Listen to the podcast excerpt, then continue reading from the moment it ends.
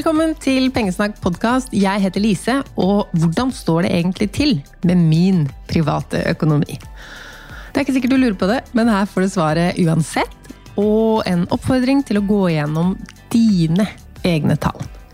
Og få oversikt over både inntektene, sparingen man har gjort, og utgiftene man har, og har hatt. Det er et så godt grunnlag for all planlegging av egen økonomi.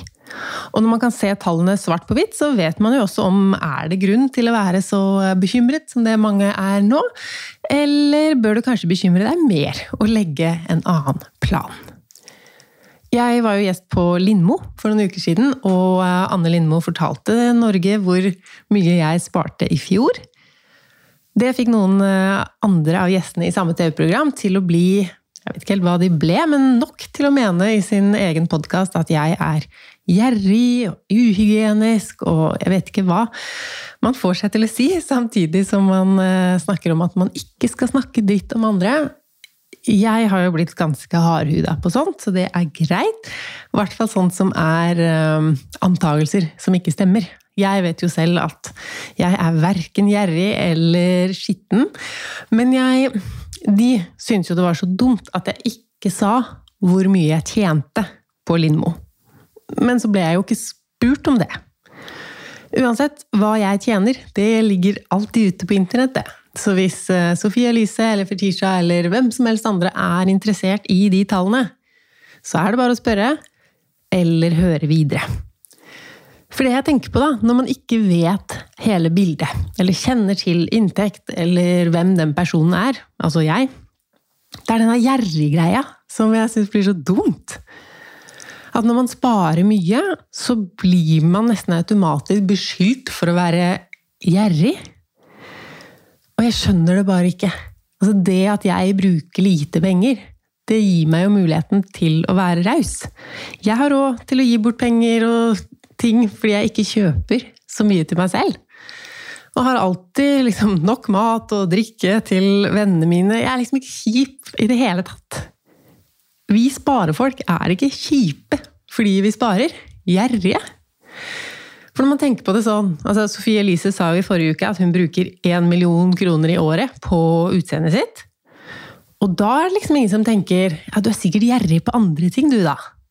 Skjønner du hva jeg mener? At det at man sparer er et tegn på gjerrighet, men å bruke opp samme sum og mer på bare én kategori, da er det akseptert.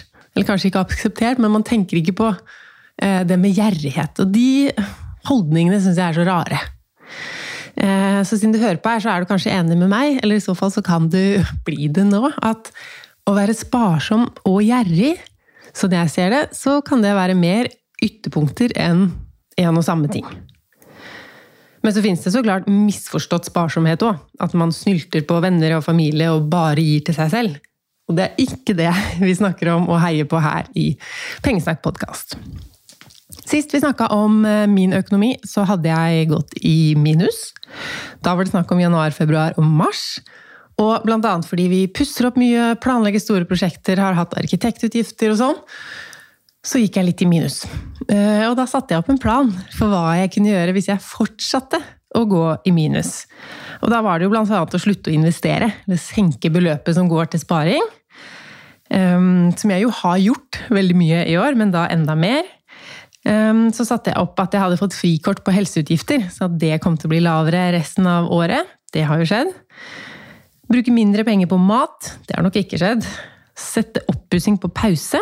Det har heller ikke skjedd, men vi har begynt å jobbe litt saktere, sånn at utgiftene blir fordelt over flere måneder. Så det har hatt en effekt. Jeg skrev at jeg kunne tatt opp mer lån. Det har jeg absolutt ikke gjort. Heller ikke avdragsfrihet eller senke avdragene, som jeg også hadde som en mulig tiltak. Pause studielånet. Ikke gjort. Øke inntekten. Ja, det får vi jo se på, da. Bruke av den store bufferkontoen. Det har jeg heller ikke gjort. Og sjekke om skattetrekket mitt er riktig. Det har jeg heller ikke sett på. Jeg spurte jo også dere da, da var vel det i mars eller april en gang, Hva ville du gjort om du gikk i minus flere måneder på rad? Og jeg fikk veldig mange bra svar fra dere. Dere er eh, kloke når det kommer til penger og økonomi. Dette er altså inne i Facebook-gruppa vår, Pengesnakkerne. Pausa sparing. Ja. Redusert matutgiften. Den er vanskelig nå, men altså, har du hatt et veldig fokus på å spare penger på mat, så er det vanskeligere nå. Har du ikke hatt noe særlig fokus på matposten, så er det absolutt mulig der. Grine litt, var det en som skrev. Det har jeg foreløpig ikke gjort. Vurdere inntektssituasjonen. Det har jeg kanskje gjort litt. Gjort varige endringer, som f.eks. billigere bolig. Eh, hadde jeg gjort det, så hadde ikke her, eh, det at jeg gikk i minus i starten av året, vært en case i det hele tatt. For det handler jo kun om at jeg har et eh, dyrt hus som det koster å bo i, og som vi bruker så mye penger på oppussing. Så hvis jeg hadde flytta til en eh, leilighet eller bare et billigere bolig uten oppussingsbehov, så hadde jo det absolutt hjulpet på. Eh, samme innsender skrev, men heldigvis har jeg buffer og sparekonto. Og det har jo jeg også, heldigvis. Sette opp et budsjett, er det en som sier, og det har jeg ikke gjort. Og ikke har jeg tenkt å gjøre det heller.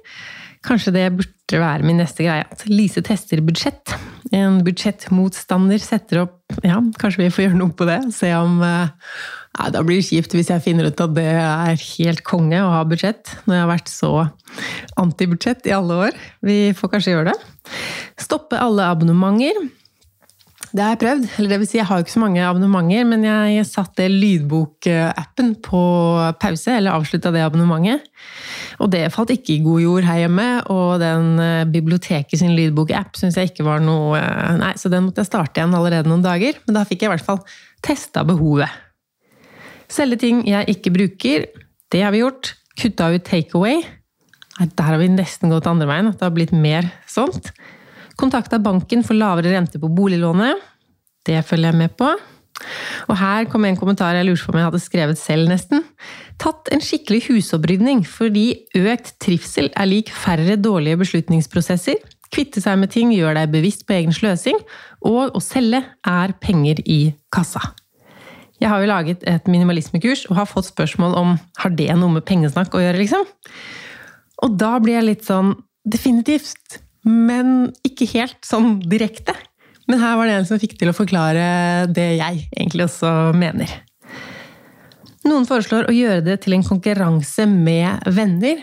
Og den tenker jeg er fin av også en annen grunn. Ikke bare la oss se hvem som kan bruke minst penger de neste tre månedene, men å være åpen med omgivelsene sine at nå er det trangt, nå trenger jeg å bruke litt mindre penger. Trenger du også å bruke litt mindre penger framover. Sånn at vi kan være litt mer obs på å ikke bare invitere hverandre på ting som koster penger, men også motivere hverandre på sparing, og også ha noen å prate med hvis det går litt dårlig. Ikke gå til frisøren, det snakka vi jo om siste episode òg. Lag en oversikt over alle transaksjonene i Excel. Og det er jo det jeg har gjort, så vi kan jo gå inn der. Dere har jo så mange gode forslag i det gamle innlegget her, men det ligger litt langt nede. Kan ikke jeg samle mange av de i et blogginnlegg, og så kan du i løpet av uka Jeg skal poste det i gruppa også, altså, men gå inn på pengesnakk.no hvis du går i minus fra måned til måned og vil ha forslag til tiltak. Veldig mange gode forslag dere har kommet med, altså. Og siden dere har så mange meninger om penger, tenkte jeg å spørre deg vil du være gjest her i Pengesnakk podkast? For nå har vi jo mange episoder hvor jeg sier ting jeg tenker på rundt økonomi. Men mener du noe helt annet enn meg om et tema?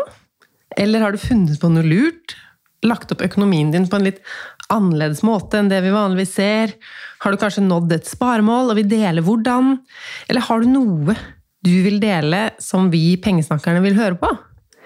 Send meg i så fall en e-post på lise.pengesnakk.no. Si hvem du er, hva du vil dele.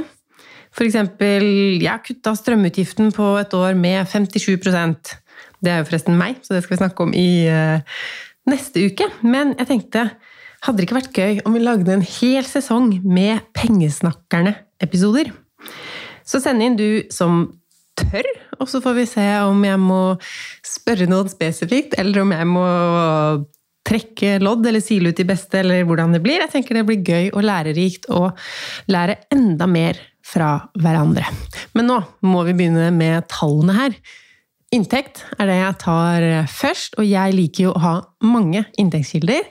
Flesteparten av mine er i Pengesnakk, firmaet mitt. Men la oss begynne med de som er utenfor. Og da er det første å leie ut hytta. Der har vi tjent 30 307 kroner så langt i år. Tror ikke det blir noe mer, men eh, jeg skal ha en episode mot slutten av året om alt om eh, hytteøkonomien. Så da kan vi jo se på det beløpet her etter skatt, og hvordan man regner ut det. Alt annet med det å ha en hytte. Det jeg går gjennom i dag, er tallene fra januar og til og med september. Så det blir ni av tolv måneder.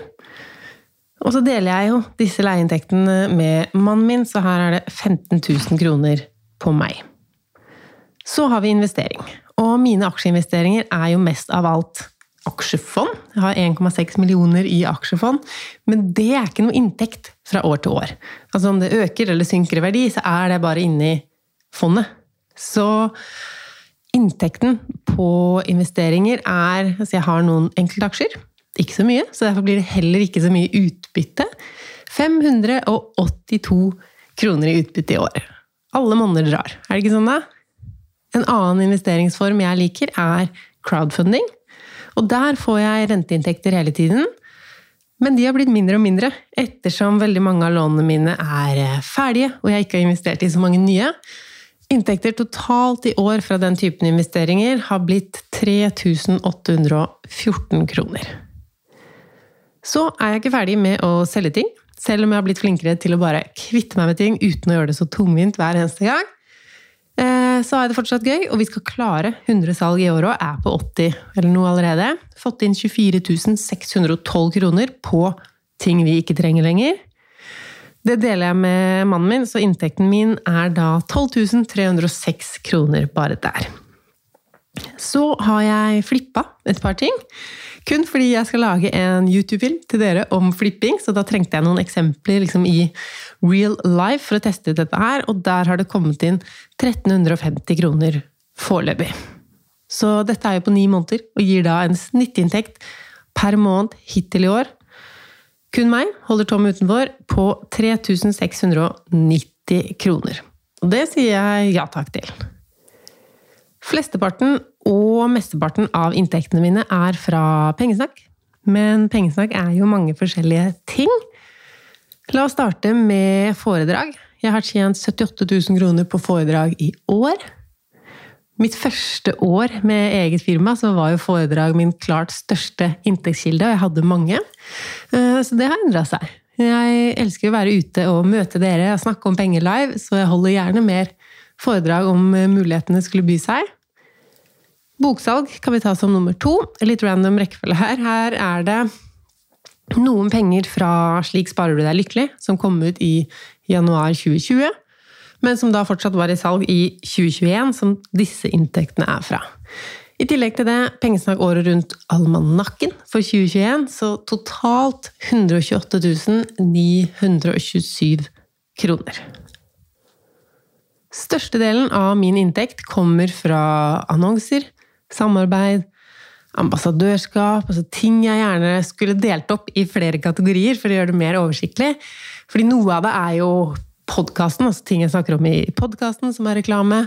Noe som er på Instagram. Vi gjør ikke så mye reklame der, men det finnes noen bra ting å reklamere for der ute også. Så er noe av disse pengene ting jeg snakker om i andre sine kanaler. Eh, noe av det er fra YouTube. Så dessverre en litt sånn sekk-kategori med diverse samarbeid og jobber jeg gjør for andre. 475 075 kroner. Så det er eh, Det blir litt feil å si at det er en stor inntekt, for det er også mange små inntekter. Så noe er reklame i en podkast eller et samarbeid der jeg deler sparetips på en uh, samarbeidspartner sin Instagram, eller et digitalt foredrag for en kunde som også er annonsør i podkasten. Det er jo gøy å tjene penger på mange ulike måter, og også at jeg kan velge mine egne samarbeidspartnere og faktisk ha nok forespørsler og god nok egenøkonomi til å kunne si nei, det passer ikke, eller det er ikke noe jeg ønsker å dele. Selv om mm, mange vil jo tenke at for dems og for min del òg, så passer det bra å dele ja, F.eks. hvis det er snakk om noen gode tilbud, eller sånn der, når du handler, så får du rabatt. Men jeg vil jo heller ha fokus på å holde forbruket mitt og forbruket deres nede. Og heller gjøre gjennomtenkte kjøp, og ikke løpe etter alle rabatter og kupp. Men det er jo et annet tema. Jeg skulle ønske jeg kunne ha det sånn Det tjente jeg på podkast, det tjente jeg på Instagram, det tjente jeg på å gjøre den jobben. Men siden jeg heller trives med å gjøre større samarbeid med de eh, annonsørene og partnerne som eh, jeg liker godt å jobbe med, så får jeg ikke liksom skilt ut per kanal så nøyaktig. Men jeg har flere inntektskilder. Eh, YouTube-kanalen min det er eh, noe inntekter fra YouTube-annonsører som går i den forrige, men YouTube er jo også en inntektskilde i seg selv. Ikke så veldig stor enda, men vi får se hvordan det utvikler seg. Når du som ser på, ikke trykker på den der skip ad, så kommer det noen øre min vei. Så totalt i år så har jeg tjent 14 328 kroner på YouTube. Og så har jeg digitale produkter. Da er det her Frossen februar, det heftet der, og Endelig ryddig, minimalismekurset. Der er inntekt 117 386 kroner. Og dette er etter MVA, altså moms, som da trekkes fra. Men det er før skatt og før alle utgiftene som jeg har hatt på de samme prosjektene. For de kommer jo da som utgifter i firmaet, og noen av dem kommer først som utgifter i oktober, som ikke er med her. Men absolutt en inntektskilde. Totale inntekter i firmaet 813 716 kroner hittil i år. Og firmautgiftene mine de siste ni månedene har vært 93 728. Hvis vi trekker fra det, så er resultatet i firmaet 720 000 kroner. Så kan vi jo ta vekk litt skatt. Hvis jeg legger det her inn i en kalkulator, så blir det ca. 33% skatt. Og da er det igjen 482 000 kroner til meg. Hvis vi deler det på måneder, så gir det en månedsinntekt på 53 600 kroner. Jeg har fått noen innspill på at eh, når jeg deler månedsinntekten min, så Altså om man skulle finne på å sammenligne tall, som man jo fort kan finne på å gjøre, så må man huske på uh, hva som ikke er inkludert her, eller eventuelt justere for det, da. Som f.eks. feriepenger. Uh, og det er jo også smart, med tanke på at jeg sjelden tjener penger i juli, eller desember for den saks skyld.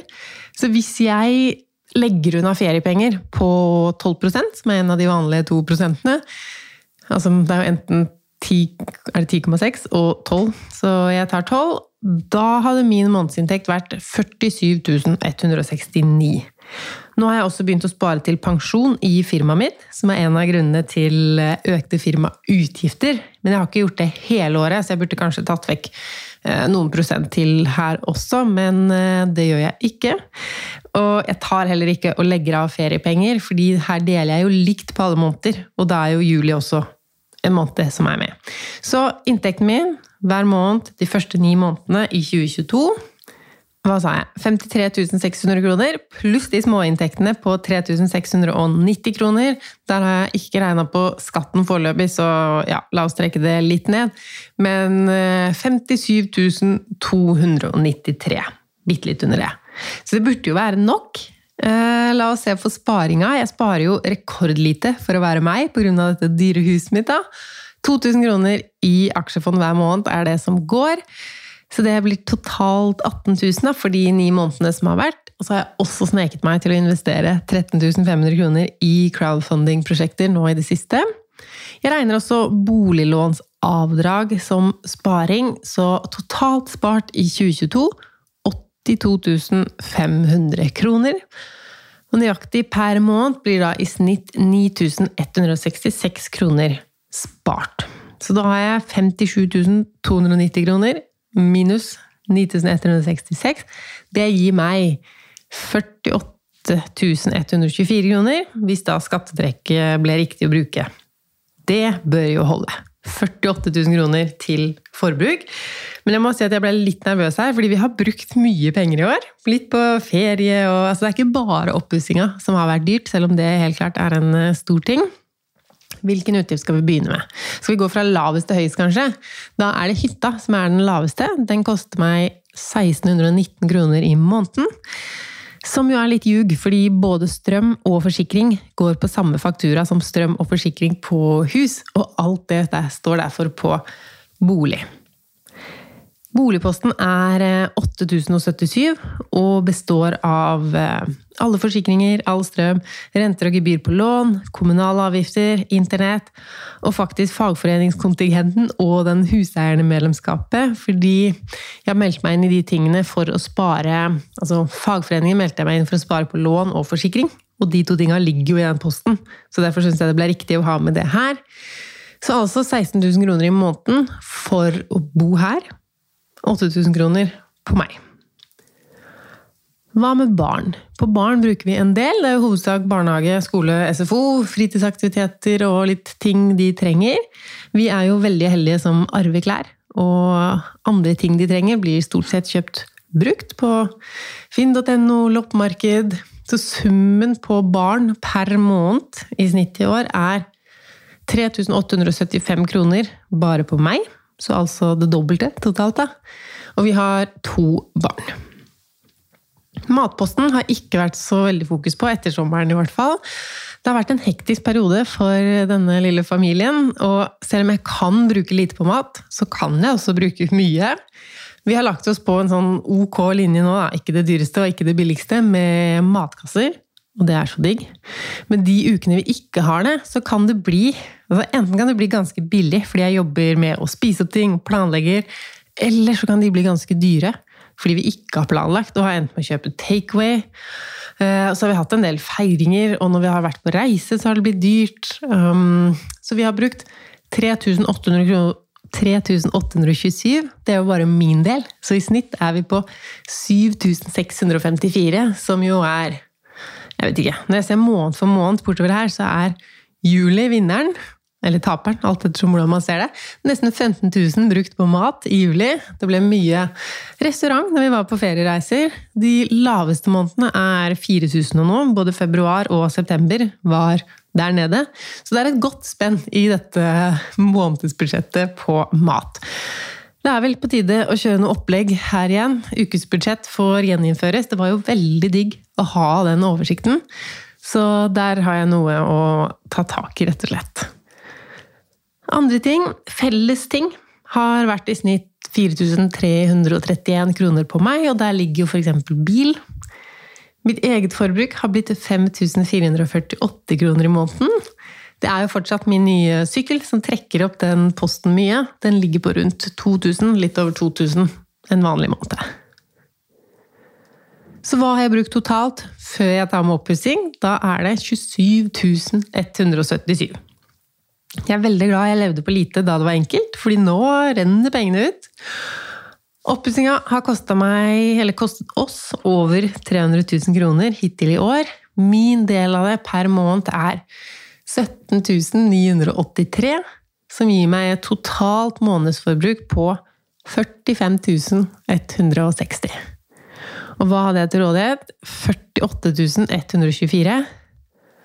Ja Jeg har klart det. Det er overskudd. Eh, et månedlig overskudd på nesten 3000 kroner. Hva skal jeg gjøre med det? Ingenting. Jeg eh, skal ikke begynne å bruke mer.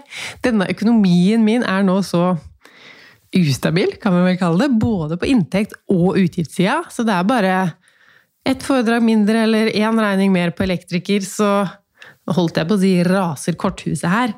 Men sannheten er jo at jeg pusser opp et helt hus fra lønna mi måned til måned.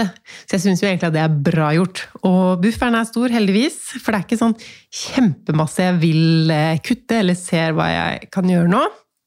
Men å jobbe litt saktere med oppussinga, det har gjort litt forskjellen, altså. Bad er fryktelig dyrt, eh, og det er der vi driver på nå. Heldigvis så har vi et annet bad å bruke, eh, så det gjør ikke noe at det trekker litt ut i tid. Ok.